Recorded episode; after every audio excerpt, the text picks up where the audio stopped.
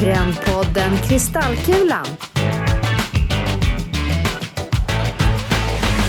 Hej och välkommen till säsongens, eller till och med årets sista avsnitt av Kristallkulan.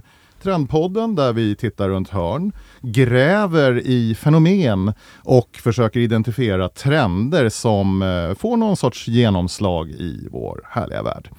Eh, med mig som vanligt har jag Bobo av Ekenstam och Jörgen Ramnelöv från Dosere och trendsajten Buster. Och för första gången i studion, in från kylan, Nina Mittjas, vår flygande reporter på stan. Välkommen! Ja, men tack så mycket. Kul att ha dig här i Ja, studion. tack. hej Nina. Jätteroligt. Eh, Du har ju faktiskt en bakgrund eh, inom radio, Mm. eller hur? Ja, som sagt, det var ju det var, det var ett tag sedan. Men, men absolut, som reporter på lite olika P4-stationer. Så det är härligt att vara inne, inne i en studio igen, Härligt. I värmen. i värmen. Det här avsnittet har vi ett lite annorlunda upplägg. Vi har utgått ifrån Doseres eh, årliga trendspaning i backspegeln. Berätta lite vad, vad det här är för någonting. Ja, men vi har de senaste 15 åren varje år gjort en spaning som vi levererar i december. Eh, där vi tittar på vad är de viktiga förändringarna? Vad är det för trender som kommer dominera och prägla kommande år? Så i år hette det här seminariet 2022 i backspegeln och finns att titta på, på för den som vill eh, på Youtube. Um, och vi går igenom en massa olika ämnen eh, som eh, i år handlar om vad då Jörgen? Ja, men vi hade ju tio olika ämnen i år. Eh, tyvärr så hinner vi inte beta av alla här idag i dagens program, men vi har valt ut då eh, fem stycken som vi tycker är extra spännande och intressanta. Och så idag kommer ni att få ta del av, vi ska prata om postpandemi. Vad händer med den egentligen? Är vi där eller är vi inte där? Eh, vi kommer att prata om Flexitrygg. Eh, vad, som jag faktiskt Favorit i repris. favorit i repris lite grann, men lite mer utvecklat kanske. Sen kommer vi givetvis att prata om metaverse, vad det kommer att betyda för oss och för andra. Och vi kommer att prata om någonting som heter status quo-samhället. Låter väldigt spännande tycker jag. Och sist men inte minst så ska vi prata om varf- varför ljud är det nya svarta. Mm, intressant. Låt oss kasta oss huvudstupa in i första ämnet, nämligen postpandemi. Ja, är vi en postpandemi? Det måste man ju börja med att fråga sig. Eh, och vi ser ju smittspridning runt omkring oss. Vi ser andra länder som stänger ner igen och ökar restriktionerna. Eh, och risken finns väl att vi gör det i Sverige också. Så vi vet ju inte riktigt om 2022 blir ett postpandemiår eller inte. Men vi har i alla fall eh, funderat och filosoferat över de förändringar som vi har sett nu under pandemin. Vilka av dem kommer vara bestående? Vilka kommer vi ha kvar när pandemin någon gång ebbar ut och inte påverkar samhället så mycket? Och då har vi haft en liten metodik för det. Eh, då har vi tittat på de fenomen som har förändrat sig och så har vi funderat på vilka av de här skapar en tidsbesparing för oss? Vilka av de här sparar vi pengar på? Vilka av de här förändringarna är bra för vår miljö? Och vilka av de här förändringarna tycker vi till och med kanske är lite, lite roliga och positiva i upplevelseformatet? Och du menar då att eh, om man eh, tittar på de här faktorerna så ska det finnas någon sorts övervägande vikt egentligen på, utifrån de här fyra viktningarna för att det ska bli en bestående förändring? Ja, precis. Ja, precis. Om vi tar till exempel att jobba hemifrån. Eh, ja, men det är ju tidsbesparande. Vi slipper resor. Eh, det är ekonomiskt försvarbart. Vi, eh, vi behöver inte spendera pengar. Eh, det sparar definitivt miljön. Eh, och kanske inte den sista då, att det är så mycket roligare. Men många tycker ju att det är skönare och det ska vi Mm. prata lite grann om. Så att eh, utifrån det där har vi filosoferat över vilka förändringar kommer vara, vara bestående och då tror jag att de här di- digitala mötena, det, det är självklart att, att det kommer vara på en helt annan nivå än, än före pandemin. Det kommer vi fortsätta med.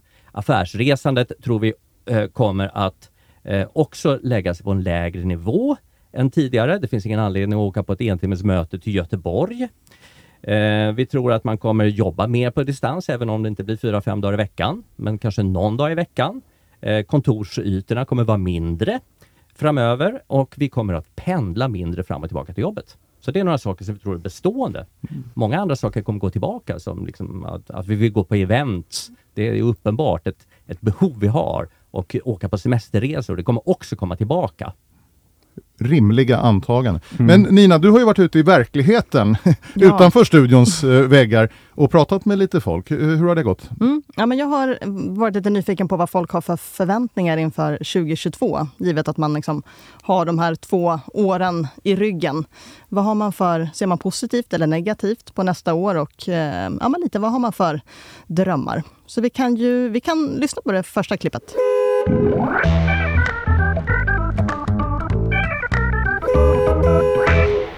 Hej, jag heter Erik. Ja, jag tror nog att, eh, att man har vant sig vid att vara hemma så mycket. Så att det kommer nog fortsätta så. Alltså att man har blivit så bekväm och man tror att det ska komma att man vill gå ut och göra grejer, gå på bio, teater och konserter och så här. Men eh, ja, det, är- det är segt.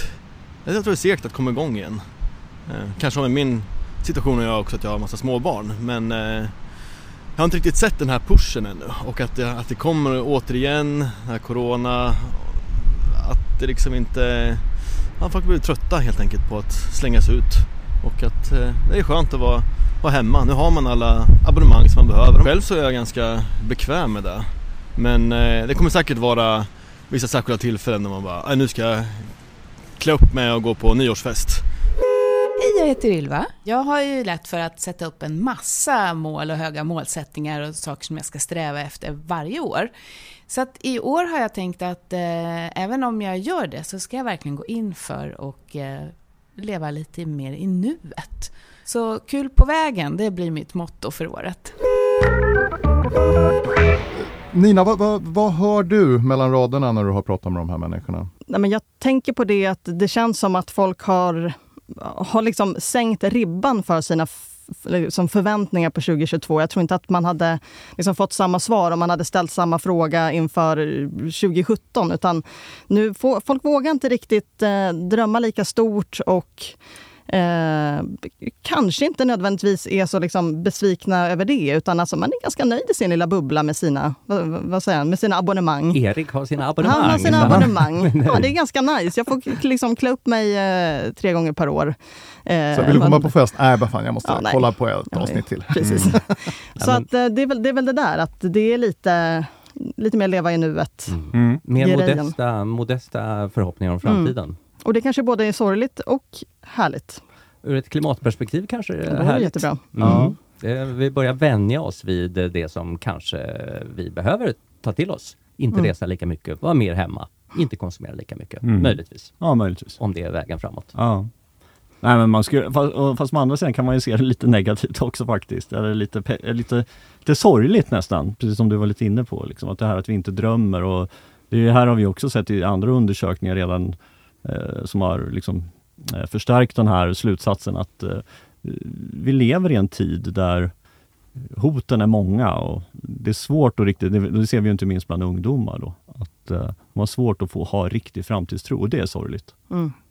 Ja, det driver inte samhället framåt, Nej. vilket ju faktiskt behövs. Ja, Nej, men det är, och det är, vi behöver verkligen det de Mm. närmaste åren. Men vi kan avrunda kanske postpandemi och säga att det är klart att det finns väldigt mycket osäkerheter och vi har ju gjort ett litet scenarioprojekt eh, med en scenariorapport som går att ladda ner från vår hemsida docere.se eh, och kostar ingenting. Eh, Så att gå dit och ladda ner den. Där gestaltar vi lite fyra alternativa framtider efter pandemin har klingat av. Mm. Som är, har, har lite olika hoppindex, eller vad man ska säga. Det kan man... skulle man kunna, så skulle man kunna säga. man vill hoppa. Ja. Ja. Men jag tycker vi kastar oss in i nästa ämne i eh, backspegeln-spaningen här och Eh, då eh, pratar vi om flexitrygg. Det är ju ett lite återkommande begrepp som vi har varit inne och berört lite i tidigare poddavsnitt. Berätta, vad, vad, vad har ni sett? Nej men Flexitrygg eh, spinner väl vidare lite på de här, när vi pratar om konsekvenser av pandemin, just det här med hur ser vårt arbetsliv ut framöver? Eh, ska vi lägga in en liten brasklapp här, att det gäller ju givetvis inte alla då, eh, beror lite på vilket, typ, men för, för alla kontorsarbetare i alla fall, så har ju hemarbetet ökat. Men, och vilket vi ser då har fört med sig vissa konsekvenser när det gäller liksom vilka förväntningar vi har på arbetstider, arbetsplatsen, etc. Och där vi förutspår då en, en viss eh, konflikt mellan arbetstagare och arbetsgivare. den ser vi ju redan nu. Arbetsgivare som tycker nu får ni komma tillbaka till jobbet. Mm. Arbetstagare som nej, jag vill jobba hemma Ja. minst fyra dagar i veckan. Ja. Jag, eh, ett av de, jag läste idag här, ett av de mer extrema fallen på att man vill ha tillbaka sina anställda till eh, arbetsplatsen är ju Google. Jag vet inte om ni såg det? Nej. Att de eh, kommer att tvinga alla anställda att vaccinera sig. Och gör man inte det inom sex månader så får man sparken. Det är Googles agila arbetssätt. Först testar man att låta alla jobba hemma Mm. skitlänge och sen Mm. så märker man att nej, nu har vi testat det här, nu testar vi något annat. Ja, Tvångsvaccinering. tvångsvaccinering. Intressant. Ja, men de vill ju ha tillbaka sina anställda. Vi ser ju väldigt tydligt att, att det inverkar lite på engagemanget. Eh, vil- vilket företag jobbar jag för egentligen? Eh, har jag några jobbarkompisar? Mm. Eh, det påverkar säkert den kreativa höjden i företaget. Ja. Så att här ser vi en, en, en konflikt som kommer att bli ännu starkare 2022, men som vi redan har sett första Mm. eh, skymten av.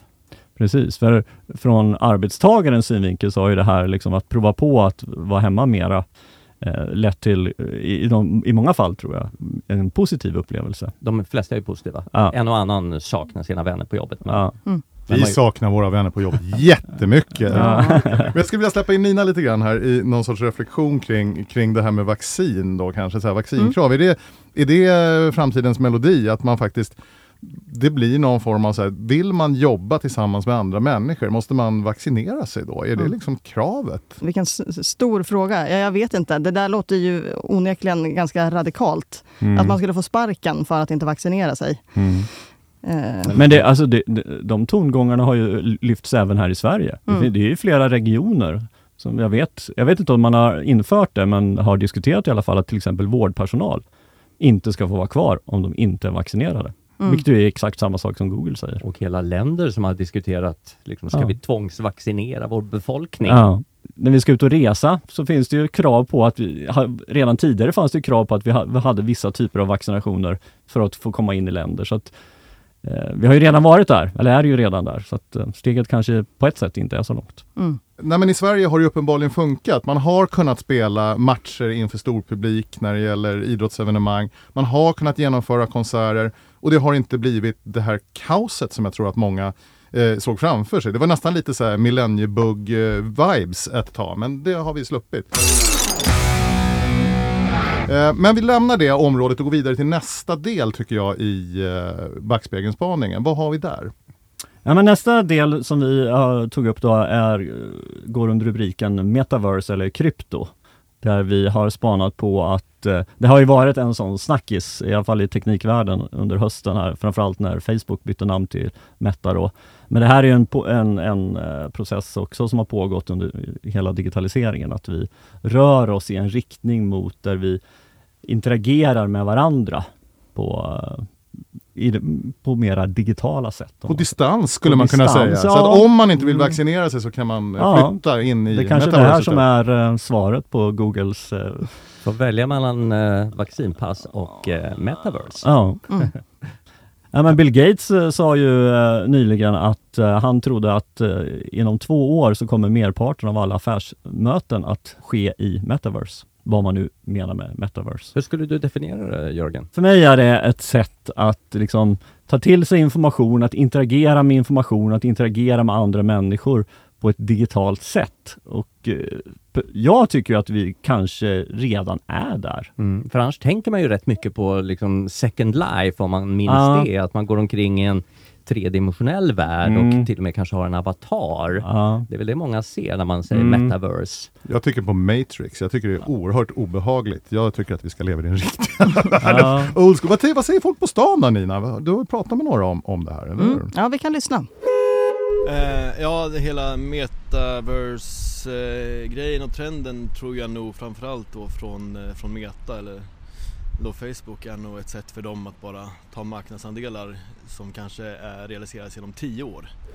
Ni, ni började ju, Martin och, och Jörgen, ni började ju eh, munhuggas redan här ut, utanför förut. Metaverse för eller emot. Så vi kanske ska låta er eh, släppa in er i, I i röda ringen. ringhörnan. Martin. För mig är metaverse, det är, det är ren eskapism. Det handlar om att manipulera sinnena.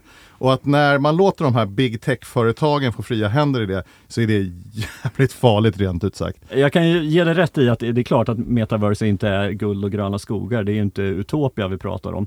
Däremot så eh, tycker jag du sätter fingret på en rätt intressant grej. Det är liksom just, och det vi pratade om lite innan inslaget här också, vad är egentligen metaverse? Vad, hur, hur ser vi på det? Du ser framför dig en, eh, du går ner med dina VR-glasögon i källaren och eh, Famlar runt. Det är väldigt obehagligt. Ja, jag ser snarare framför mig att metaverse är liksom ett, ett, ett mera att det är någonting vi interagerar med hela tiden oavsett om vi är ute på stan och går eller om vi är hemma i våra hem eller på jobbet och så här, så har vi hela tiden liksom access till det. Och jag skulle nog, för mig är det snarare så att vi är redan där.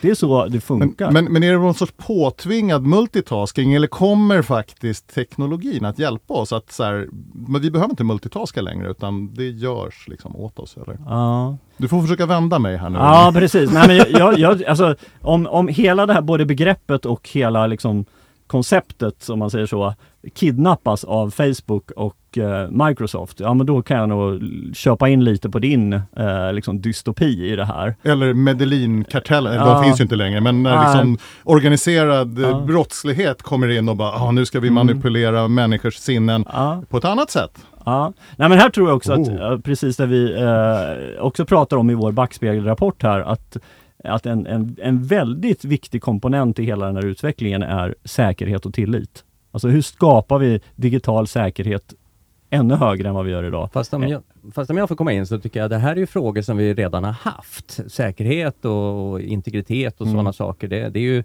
det blir ju inte värre egentligen med metaverse. Eh, Ja men det, det, nej, det håller jag inte med dig faktiskt. Okej. Jag tycker att det blir det är en helt annan nivå av Men nu, Nej, det blir liksom helt, nu vill jag höra vad Nina säger i det här också. Du är ju den, faktiskt den mer så här, teknikvänliga av oss två i alla fall, har jag, i min uppfattning. tror det. Så, att, Ja, ja, så låt höra. Va? Nej, men jag, jag, jag tycker att eh, det, det som känns lite otäckt är det där att man liksom aldrig liksom loggar ut jämfört med hur det är idag. När jag lägger ifrån mig min mobil eller slår ihop min dator och sen så är det bara eh, liksom verkligheten. Det där känns ju mer eh, liksom flytande och det tycker jag är det som känns lite som jag tycker känns lite obehagligt. Det är på 24-7. Ja. Ja, men det tycker jag det, det var en bra definition faktiskt. Det var bra, det är precis så. Du, du är aldrig utanför. Det, jag menar, filmen Matrix refererade vi till, liksom, det är precis så. Mm. Ja, och hur kul tycker du att det verkade vara i Matrix?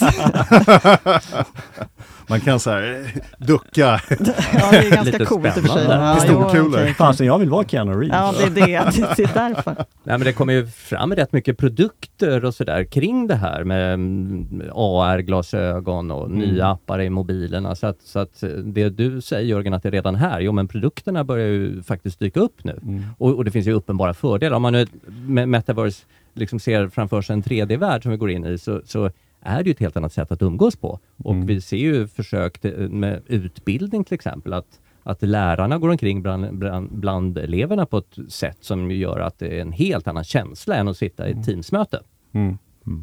Det kanske vi inte ser jättemycket 2022, men vi Nej. kommer nog se de första försöken. Ja. Ja men alltså signalerna finns ju där och de, de liksom svaga signalerna kring vad, vad vi eventuellt kan förvänta oss av framtiden. Och det är väl inte riktigt det vi säger heller att Metaverse kommer att vara här 2022. Men Utan att, det kommer börja. Ja, Mm. det är nu det börjar. Så han hade lite rätt i sin, i sin spaning där. Ja, jo men absolut. Nej, men det, är väl, det är väl lite den här klassiska eh, misstaget man gör när man pratar trender. Man överskattar de kortsiktiga förväntningarna och underskattar de långsiktiga. Men jag tänker lite grann, eh, om, om vi ska vara lite framåtblickande, om även jag ska så här, släppa sargen lite grann här nu. Jag vet, jag tittade ju på eh, eran eh, dragning och då pratade ju du lite grann om liksom, förutsättningarna för att det här metaverse faktiskt ska fungera. Vad är det i grunden som måste vara på plats eh, för att bygga den så här, tillit och trygghet för att det här i alla fall ska vara någon sorts realistiskt eh, bygge? Mm. Ja, men vi eh, ser ju mycket att vi pratar om krypto, alltså eh, kryptoteknik, olika typer av ja, det som är också kallas för blockkedjeteknik. Att man hittar den här distribuerade eh, lösningarna som ju eh, har i alla fall hittills verkat vara hyggligt bra eh, säkerhet och eh, också faktiskt sprider risken och sprider kontrollen över informationen. Det är det man, man brukar ju kalla det här ibland eh, för webb 3 ibland. Och eh, definitionen av webb 3 är ju att man menar att kontrollen över informationen och datan tas från de här Google, Facebook, Amazon och sen distribueras ut på eh, olika typer av datorer runt om i världen, vilket gör att inget företag i, i en bästa Någon sorts världar. ursprungstanke egentligen Ja, med lite så. internet när de här idealisterna Mm. pratade om att ja, information Ja. vill vara fri och att Precis. rädda världen. Så Ja. att säga. Men nu menar du blockkedjetekniken? Ja, Där. ja men det är ju det liksom. Men som möjliggörare för det. Ja, som en möjliggörare, precis. Ja, men det, och här sker det ju, alltså ett, ett av de sakerna som jag sparat mycket på senaste året är ju det här med NFT, liksom. Just det. Digital eh, kreativitet, liksom. Man kan sälja bilder för, av eh, uttråkade apor för 24 miljoner dollar. Om man inte trycker fel? Om man inte trycker fel och har så kallade fat fingers som en eh, stackars man i USA gjorde. Han skulle sälja en sån här apa för 24 miljoner och eh, råkade sätta dit ett eh, kommatecken fel så det blev 2400 dollar istället. Vilket gjorde att han på en, med en knapptryckning förlorade 23,8 miljoner dollar. Och hur kände han sig efter det? Ja, men han var rätt cool faktiskt. Jag har sett en, läst en intervju med honom. Han var rätt cool faktiskt. Jag tror att det var, han, det bekom honom inte speciellt mycket. det och då är vi ju där. Ja. Det är så här, det är eliten som köper apor för flera miljoner Ja. som, som inte ser annorlunda ut än någonting annat. Och jag tror de allra flesta människor har upplevt de här tjocka fingrarna när man ska skicka ett sms och så står det någonting helt annat för att man har råkat så här, vad säger man, glida lite Ja, på och ibland något väldigt Skärmen. olämpligt. Ja, eh, ja nej men okej. Eh, jag som då är lite orolig för att skriva fel, att eh, förlora en massa pengar och sådana här saker. Det, vi, det leder oss ju då in på det som vi kallar för status quo-samhället. Utveckla gärna. Ja, vi kan börja med att säga att det är ju inte det där gamla bandet Martin som du lyssnade på när du var ung. Det var eller? nog du som lyssnade på Ja, dem. det var det. Det har du rätt i.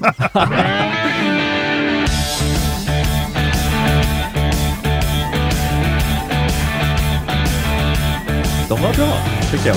Mm. Men det är inte de vi ska prata om, utan vi ska prata om eh, en uppfattning som många har. Många har uppfattningen av att man behöver stanna tiden. Vi var lite inne på det när vi pratade intervjuerna. Eh, vi ska inte göra någonting, vi ska inte resa, vi ska, inte, vi ska sitta i soffan et, etc. Eh, vi, vi upplever att många vill stoppa tiden. Eh, och många har också en uppfattning av att det var bättre förr. Eh, och, och man är väldigt orolig för förändringar. Och nu vill jag inte på något sätt raljera, men vi pratar väldigt mycket om invasiva arter, det vill säga eh, arter som kommer hit och eh, Eh, man ser några sköldpaddor i en sjö och så tänker man nu är klimatförändringarna över oss och nu måste vi fort få bort de här paddorna så att eh, eh, det, det är som det alltid har varit. Och jag såg ett inslag på Aktuellt med en fiskare i en insjö uppe i Norrland som skulle fiska abborrar. Och då visade det sig att de hade blivit lite större.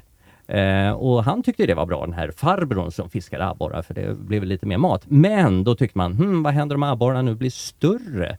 Eh, då kommer de äta upp andra fiskar i den här sjön och så blir det liksom kaos. Men då tycker Eh, jag vi från Stockholm skickar upp lite av alla vårt skarvbestånd upp till Norrland. Det är en så kallad utjämningspolitik i miljöns namn. Det låter jättebra. Ja, det är en bra idé Martin. Ja, nej, men vi, vi, vi, vi, tolkar det där lite grann som att nej, men vi vill inte ha någonting nytt, vi vill stoppa tiden. Ehm, och, och, och då kan man fråga sig, eh, är det läge att, att, att ta en Hans Rosling här? Det vill säga, eh, ha- har, var det bättre förr eller inte? Och då kan vi bara konstatera, om vi backar tiden till liksom början av 1800-talet, hur många timmar om året jobbade vi? Ja, då jobbade vi en 3000 timmar om året och nu jobbar vi 1500 timmar om året och det är nog många som tycker att det är ganska nice, en bra Innan utveckling. Teamsmötena ska man kanske säga. Ja, ja, men kanske jobbar vi ännu mindre nu när man slipper resa fram och tillbaka. Så att eh, det, det kan nog vara så. Barnadödligheten har liksom halverats. Eh, det finns knappt kvar barna, eller spädbarnsdödlighet. Den låg eh, tidigare i början av 1800-talet på att var, var fjärde barn dog eh, i spädbarnsålder och i, idag är det nästan noll.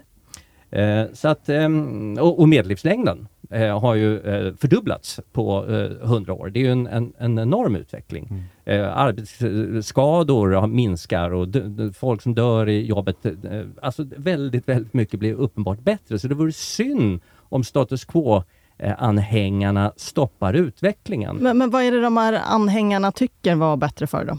Kan du ge några exempel på det? Ja, men jag, jag vet inte om man, jag tror inte knappast någon kan sätta fingret på det. det. Jag tror mer det handlar om en känsla.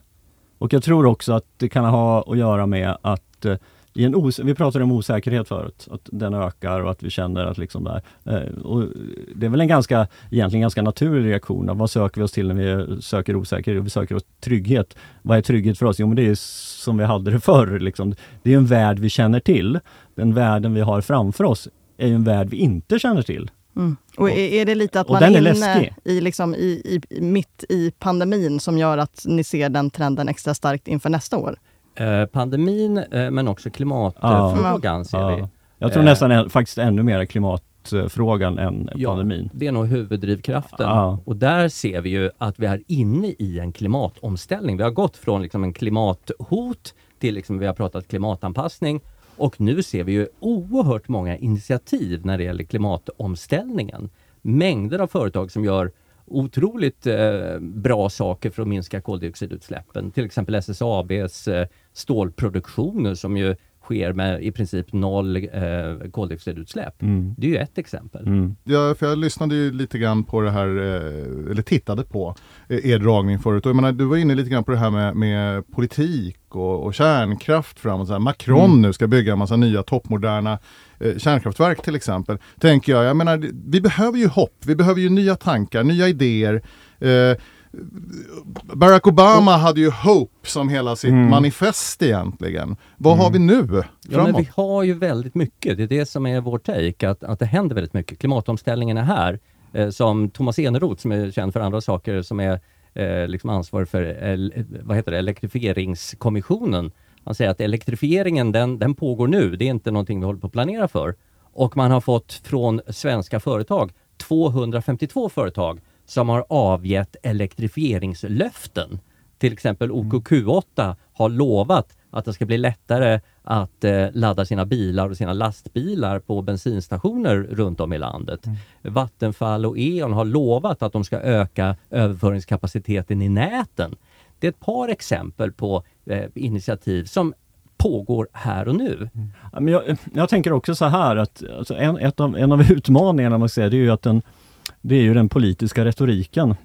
Där det är ganska, ganska enkelt att, eh, tycker jag i alla fall, eh, hämta poänger genom att utmåla hot av olika slag. Vilket gör att man kan liksom lite ignorera det du säger Bobo, eller man, man väljer en andra typer av statistik. Ja, men jag tycker också att vi är lite understött av den här ska säga, klickekonomin. Ja. Vad säger du Nina? Menar, du som ändå har någon sorts journalistisk bakgrund i det här. Det här måste ju ha förändrats dramatiskt. Mm. Ja, men så är det ju självklart. Absolut. Men jag tänker just med klimatet. Alltså det, var väl, det var väl på många sätt bättre förr. Det är inte det ändå fakta eller? alltså jag menar, även om det kommer ja, väldigt mycket ny teknik inte. som... Ja. Jag, jag, känner att jag liksom vill, vill lite vara med i teamet Det var bättre förr. Här. Mm. Mm. Ja, mm. det är klart att det finns ju uh, helt klart områden på jorden där det var, om man får kalla det så, bättre förr. Det var mer beboeligt förr, om man definierar det så. Uh, sen kan man ju om man ska vara lite motvalls kan man säga, ja men det här innebär ju kanske att det blir lite bättre på ställen där det var sämre mm. förut. Men, men vår take är egentligen att det görs mycket mer än vad som framkommer i media. Eh, de här löftena som jag pratar om och den omställning som, som sker. Det pågår otroligt mycket som faktiskt inte riktigt kommer fram på det sättet i media, utan man tror fortfarande att nej men visst, det händer ingenting. Det är ju lite Eh, kan man säga, eh, klimataktivisternas take, att det görs ingenting. Eh, det är bla bla bla, för att citera en känd aktivist. Och, och det tycker vi inte stämmer. Det är klart att, att, det kanske behövs mer politiska beslut, men på, på golvet, det, det som händer med företag och, och, organisationer runt världen, det är att det görs väldigt, väldigt mycket för att hålla den globala uppvärmningen nere. Mm.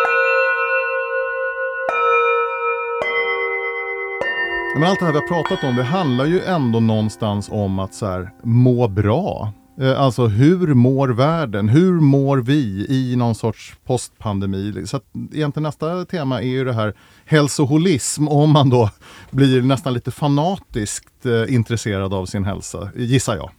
Ja, eh, jo men det, det är många som är det och, och det behövs för att folkhälsan har försämrats under pandemin. Så att vi behöver ta tag i det. Och det vi ser en tendens kring, som vi tror kommer synas ännu mer 2022, det är ett helhetsgrepp kring hälsoområdet. Eh, det, det, det, handlar ju om eh, den mentala hälsan som vi var inne på nu.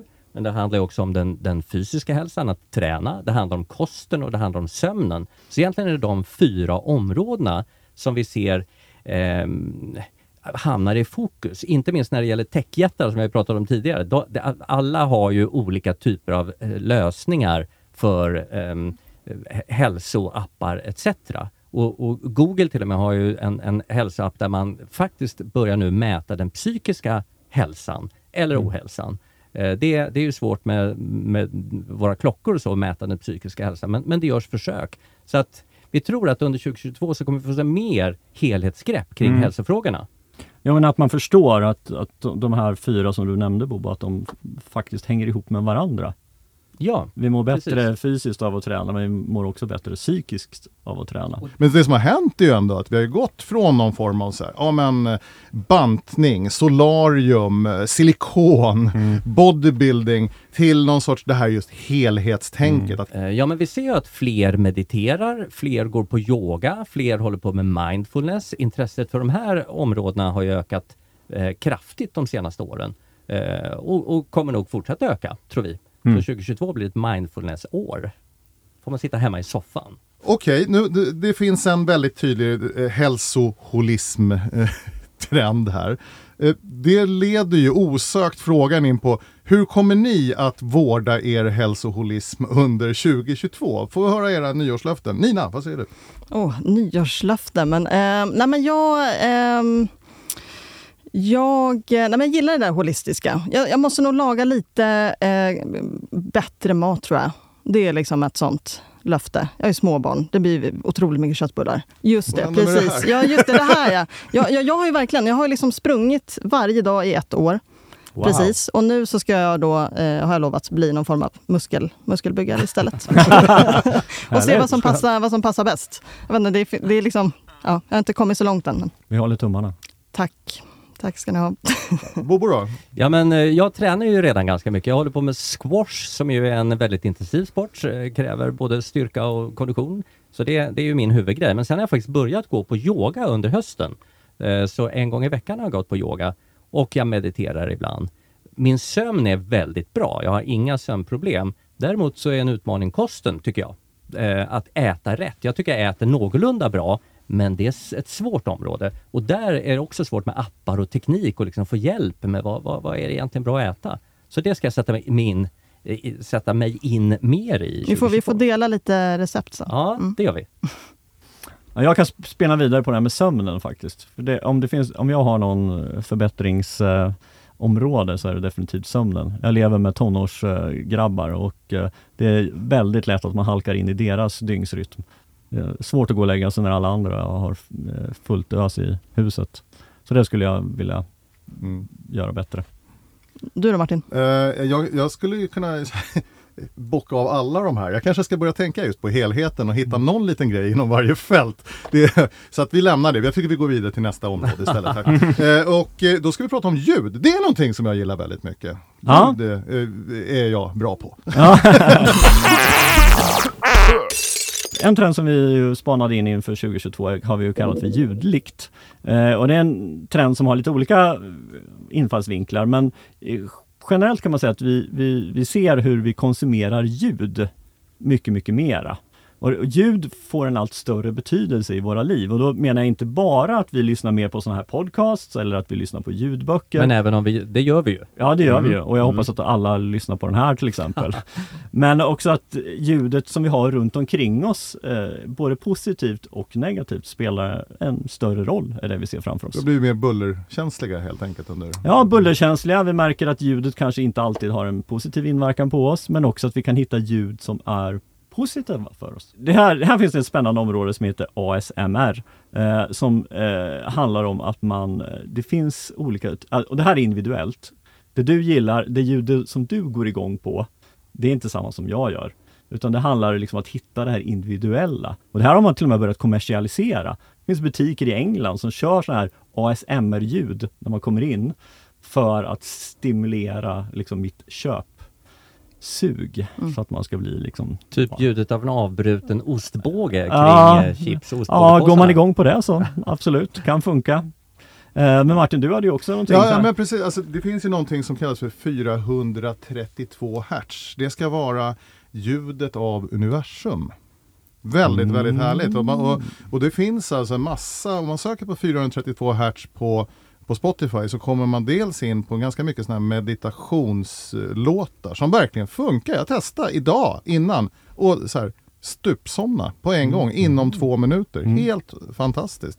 Eh, Men sen finns det också ett antal spellistor där det finns ett antal eh, hitlåtar. Så jag vet inte riktigt så här, om det verkligen stämmer. Men, men det är ett intressant fenomen som Mm. det pratas en hel del om. Och jag har hört det vid flera middagsbord. Så här. Kanske jag skulle eh, anamma det, jag som hade min uh, sömnutmaning hemma. Men det Precis. också lite Ja, grann som det. någonting som kan påverka våra hjärnvågor. De har ju lite olika frekvenser. Och, Mm. och det är ju, om man ska sova bra så handlar det om att få ner sina hjärnvågor. Mm. Precis. Så det kanske är Tuna 432. dem till Mm. runt 432 Hz är en bra Mm. idé. För att Samklanga med universum. Mm. Precis så. Jag läste om eh, Times hade listat de 100 bästa innovationerna från eh, året 2021.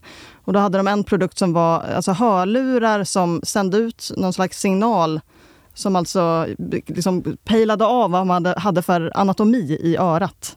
Och då Okej. fick man liksom den bästa lyssningsupplevelsen. Att de liksom anpassas efter ens öron. Det tyckte jag lät spännande. Perfekt. Wow. Mm. Mm. Och det är ju liksom ett tecken på att, att det här med liksom ljud och bra ljud, ska man lyssna då ska det vara liksom riktigt bra. genvägar till bra ljud. Eller så. Barbara Barbror. Ja, nu börjar vi närma oss slutet i det sista avsnittet för året av Trendpodden Kristallkulan. Eh, och eh, när man pratar trender så pratar man ju också om så här, årets julklapp. Det har ju varit allt från wokpannor till eh, parkeringsgarage för smartphones. Och i år så pratar man ju då bland annat om eh, det här med konsertbiljetter konsertbiljetten eller evenemangsbiljetten är årets eh, julklapp. Jag har Mm. faktiskt eh, köpt eh, två eh, sådana årets Mm. julklappar. Vi får hoppas att du får använda dem också då. Ja. Jajamän, det, kom, 2022. det är jag alldeles övertygad om. Men då kommer frågan, vad är nästa års julklapp? Eh, nej men jag kan se två scenarion framför mig. Jag ska vara lite vi- komplicera det här lite grann. Ja, men det ena är att eh, en, ett scenario jag kan se är att klimatångesten slår igenom för fullt 2022 och då tror jag att nästa års julklapp kommer att vara ingen julklapp. Vi ska inte köpa några julklappar. Det är det ena alternativet.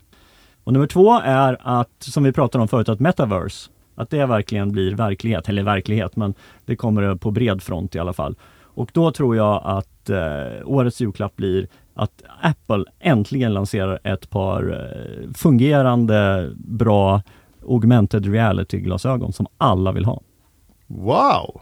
Ja, det där, Det där kallar, jag, det kallar jag gardering. Två, två gissningar. det var en helgardering. Ja, det var en helgardering. Nej men om jag får eh, tänka fritt eh, så har vi två trender. Vi har det här med hälsoholismen och sen har vi det här med ljudlikt. Så jag tror att eh, det skulle kunna bli en tibetansk klangskål. Vad tror du om det? Ja, det var kreativt. Det är väldigt Tack. roligt. Sin hemmeditation. Ja, det lät roligare än ingen julklapp tycker jag. Ja, men jag, jag, jag tycker de här AR-glasögonen tror att jag önskar mig då i julklapp. Så jag kan köra på där 2023. Mm, så du kan vara med i metaverse. Ja, exakt. ta med vill också- Martin på den resan så han blir omvänd. Omvändelsens fall, man år. måste ju prova i alla fall. Hellre det än klangskålen tror jag. Ja. Mm, No offense. Det låter jättehärligt.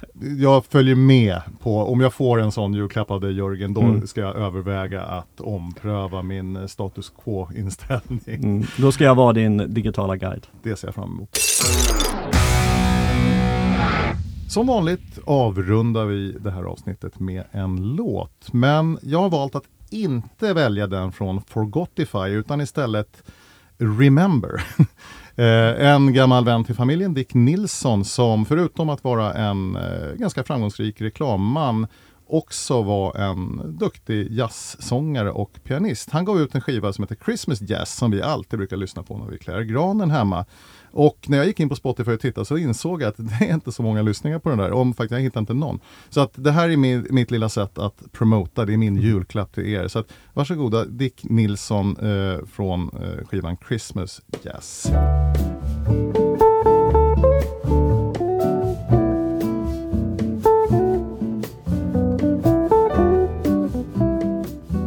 Så eh, jag vill också passa på då att tacka mina underbara kollegor här i studion. Jörgen Ramnelöv, Boba Wekenstam och precis lika mycket Nina Mittjas. Välkommen att stanna kvar här i värmen med oss. Och eh, såklart eh, Annette eh, Mörk som har suttit bakom spakarna också. Och Martin Li. Stort tack för i år. Stort tack för att du har lyssnat. Och stort tack för att du förhoppningsvis fortsätter lyssna även nästa år när vi kommer tillbaka med nya spännande avsnitt av Trendpodden Kristallkulan. Med det återstår bara att säga God jul! God jul! God jul! God jul och gott nytt 2022! who'll give me something in return. Mm, this year, I give it to someone,